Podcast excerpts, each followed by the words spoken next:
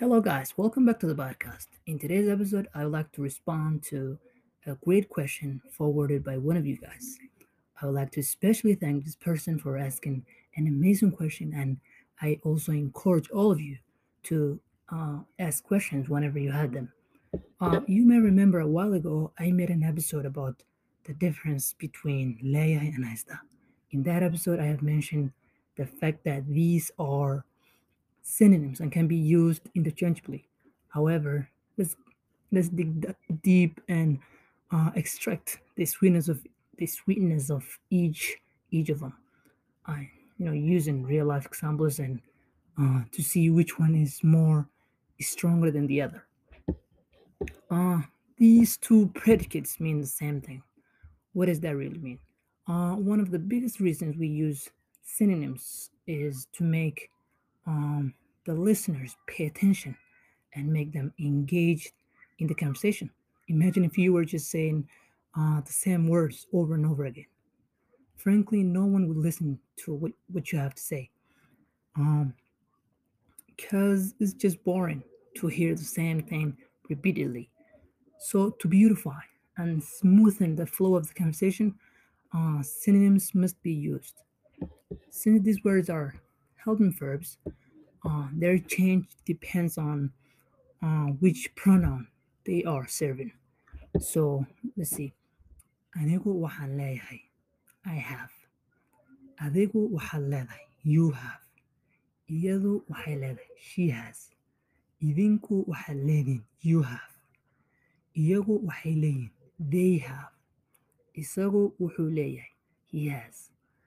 Inagu waxaan leenahay. We have. So if we put them into a good use, it would be something like this. Waxaan leeyahay macalin fiican. I have a great teacher. Waxaad leedahay macalin fiican. You have a great teacher. Waxay leedahay macalin fiican. She has a great teacher. Waxaad leedihiin macalin fiican. You all have a great teacher. Waxay leeyihiin macalin fiican. They have a great teacher. Wuxuu leeyahay macalin fiican. He has a great teacher. Waxaan leenahay macalin fiican. We have a great teacher. Macalin is a is an Arabic word, but the actual word for teacher is in Somali is uh, bare, and you're welcome to use both of them. Bare is one who teaches. The common verb, the command verb is bar, teach, meaning teach. There's a there's a great saying in Somali which says bar amabaro. Either teach or learn. I feel like uh, the word leya is actually when you when you own something completely. No one can, you know, and no one can claim it. But as we were as we will see, the word haisata is more if uh, if you're just using something, uh, and maybe you will turn that in. Um, like if if you have a phone charger, you can you can say waxaan haystaa phone charger, and then you would this maybe this thing doesn't belong to you, and then you will return it to whoever owns it. But if you say leeyahay, it shows um the thing that you're talking about belongs to you. Um, yeah, uh, we will see that and using some examples later on. Just so you know, uh, you can pronounce you can pronounce this word one of two ways. You can say leeyahay or leeyahay. Instead of saying leeyahay, you can say leeyahay, waxaan leeyahay, or waxaan leeyahay, whichever whichever one is easy for you. Waxaan leeyahay, waxaan leeyahay. This word leeyahay also means to say something. One of one of your friends might say, might tell you something uh, amazing that he's working on or he's trying to do, and uh, he says to you, "waxaan leeyahay." What do you say? Do you think that that is a good idea or something something like that? what do you say? Making sure if you're if you want to do what they what they have suggested what they have recommended. So waxaan leeyahay means two things simultaneously. First one being i have. The second one being the second one is uh, i am saying or i say. Don't worry it is pretty simple to distinguish between those.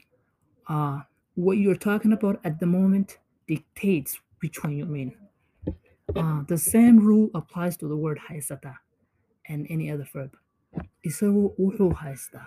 He has. Iyadu waxay haysataa. She has. Adigu waxaad haysataa. You have. Idinku waxaad haysataan. You all have. Inagu waxaan haysanaa. We have. Anigu waxaan haystaa. I have. Helping verbs are wuxuu, wuxuu, and wu are used for masculine. For example, Ali wa and wuxuu, wa, wu, all of this is used for masculine. For example, Ali wa Farid. Ali smart. Muhammad wuu fiican yahay. Muhammad is good. Hanad waa maalqabeen. Hanad is wealthy. Waxay, wa, way are used for feminine. For example, Aisha wa gabadh dheer. Aisha is a tall young lady. Aisha way qurux badan tahay. Aisha is gorgeous. Aisha way Aisha waxay tagtay suuqa. Aisha went to the market. Suuq or market. I mean suuq or magalo. We all we use both words. Waxaad what is used for second person singular. For instance, waxaad rabtaa. Waxaad rabto sheeg. Say what you want. Waxaad waxaad rabtaan sheega. Say what you all want. Idinku waad xoog badan tihiin. You're strong.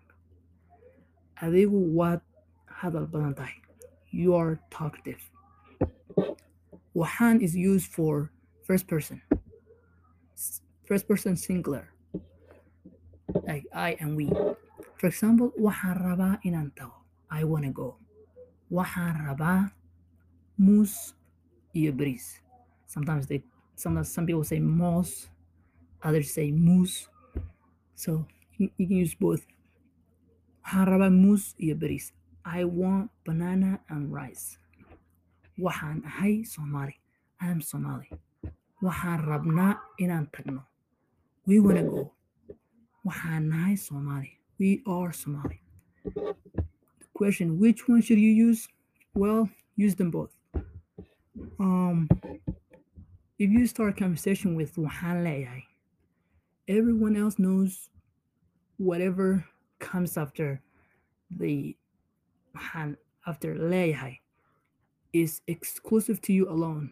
Whereas if you say waxaan haystaa, suggested that this thing won't be sitting around because it won't be sitting around because uh around around you because it doesn't belong to you.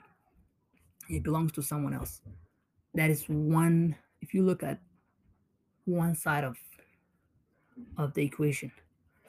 For example, I have a wife. Everyone knows that your wife is exclusive to you and cannot be uh, someone else's wife. Whereas if you if you say waxaan I have a car, shows you your car can be shared. Uh, has stronger exclusiveness and control over something than uh, haystaa. Uh, in conclusion, waxaan haystaa and waxaan leeyahay are synonyms and can be used interchangeably uh, to smoothen and freshen the conversation instead of repetition, which no one wa- really wants. Thank you so much for listening and make sure you practice what you have learned. You either use it or lose it. Remember, this rule applies to pretty much everything, everything in life. Once again, thank you so much and have a wonderful day or night, whichever one it is for you.